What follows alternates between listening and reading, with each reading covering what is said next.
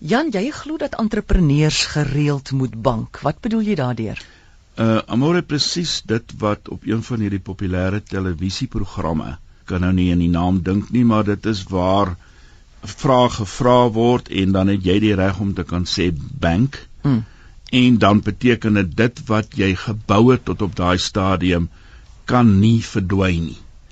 En dit is my advies aan entrepreneurs dat jy moet aanvaar net soos wat daar niks was voordat jy jou saak begin het nie net so kan daar niks wees wanneer jy geëindig het nie. Jy moet aanvaar dat die maatskappy nie vir ewig gaan duur nie. Is dit nie maar dieselfde as spaar nie? Dit is eintlik 'n oortreffende trap van spaar. Uh, wat gebeur is entrepreneurs begin 'n saak dit begin goed gaan. Hulle kom agter man my bates is al 'n miljoen rand of 2 miljoen rand of 10 miljoen rand en dan kry hulle die geleenthede wat ander maatskappye na hulle toe kom. Terloops groter maatskappye het entrepreneursake nodig om te groei. Hulle moet die klein entrepreneurs oorneem want dis waar innovasie in die besigheid vandaan kom. Maar dan kry 'n entrepreneur sulke aanbiedinge en wat hy gewoonlik sê is nee nee nee ek gaan nie verkoop nie. As die man glo my saak is 10 miljoen rand werd dan is dit vir my dalk nog meer werd ek gaan aanhou en aanhou. Ek het onlangs 'n goeie ou vriend vir my advies gegee en hy het sy saak wat hy begin het as 'n entrepreneur met letterlik niks, het hy verkoop en hy het 600 miljoen rand in die bank gesit. Hy is nou baie baie gelukkig. Hy steeds 'n entrepreneur en hy het begin met 'n nuwe saak wat ek dink baie baie groter gaan word. Dit is my advies.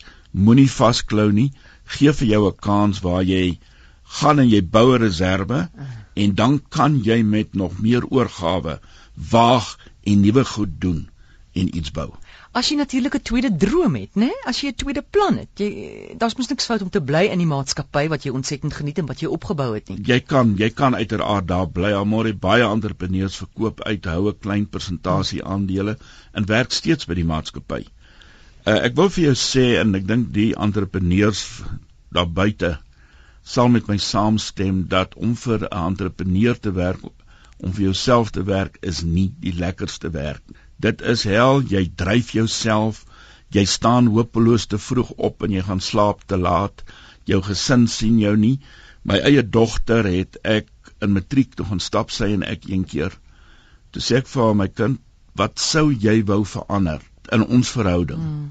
Tussen jou en my. Sy sê vir my pa, ek sou jou wou sien tussen standaard 7 en matriek. En dit is woorde wat ek altyd gaan onthou want ek het geglo jy moet net bou en almal sal saam met jou gelukkig en tevrede wees en dit is nie so nie. As jy nou terugkyk Jan, was dit die moeite werd geweest dit wat jy opgebou het terwyl jy nie jou dogter gesien het nie? Uh, vir die soort mens wat ek is en ek dink baie entrepreneurs sal met my saamstem, jy moet dit doen. Mm. En as jy dit doen, is dit vir jou iets wat jy bereik het. Hoe? Maar die prys wat jy daarvoor betaal, is nie altyd die moeite werd. Hoe skep 'n mens 'n balans? Ek dink met moeite terugsit, gaan sê nou maar wat is vir my belangrik in die lewe? Wat is die goed wat tel? Ek het in my loopbaan het ek 'n baie baie groot saak gebou en baie eenvoudige klein foutjies gemaak en op ouderdom van 55 agtergekom ek moet weer van voor af begin. Dit was 'n les wat ek geleer het as 'n entrepreneur wat ek die dankbaarste is vir enige iets wat in my lewe gebeur het. Want daar kon ek presies wat jy nou gesê het, die balans begin sien. Goed, so jy het 'n tweede kans gekry. Ek het 'n tweede kans gekry en die geleenthede vir 'n entrepreneur hou nie op nie. Dit het baie baie goed gegaan met ons, soos ek nou-nou gesê het.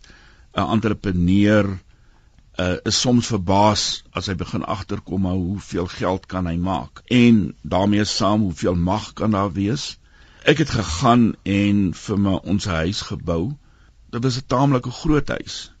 So groot dat in die vleuel waar my kinders gebly het, was ons slaapkamer vleuel so ver dat ek nooit my kinders oorlag het nie. En weet jy, ons het daarna in 'n huurhuisie ingetrek waar ons letterlik oor mekaar geval het. Maar die wonderlike ding was ek kon hulle hoor lag. ek kon hulle hoor huil, ek kon hulle hoor skerts. En dit is baie belangriker as om jou te omring met die weelde wat noodwendig in 'n entrepreneur se skoot begin val. So gesels Jan Erasmus, 'n deurwinterde entrepreneur.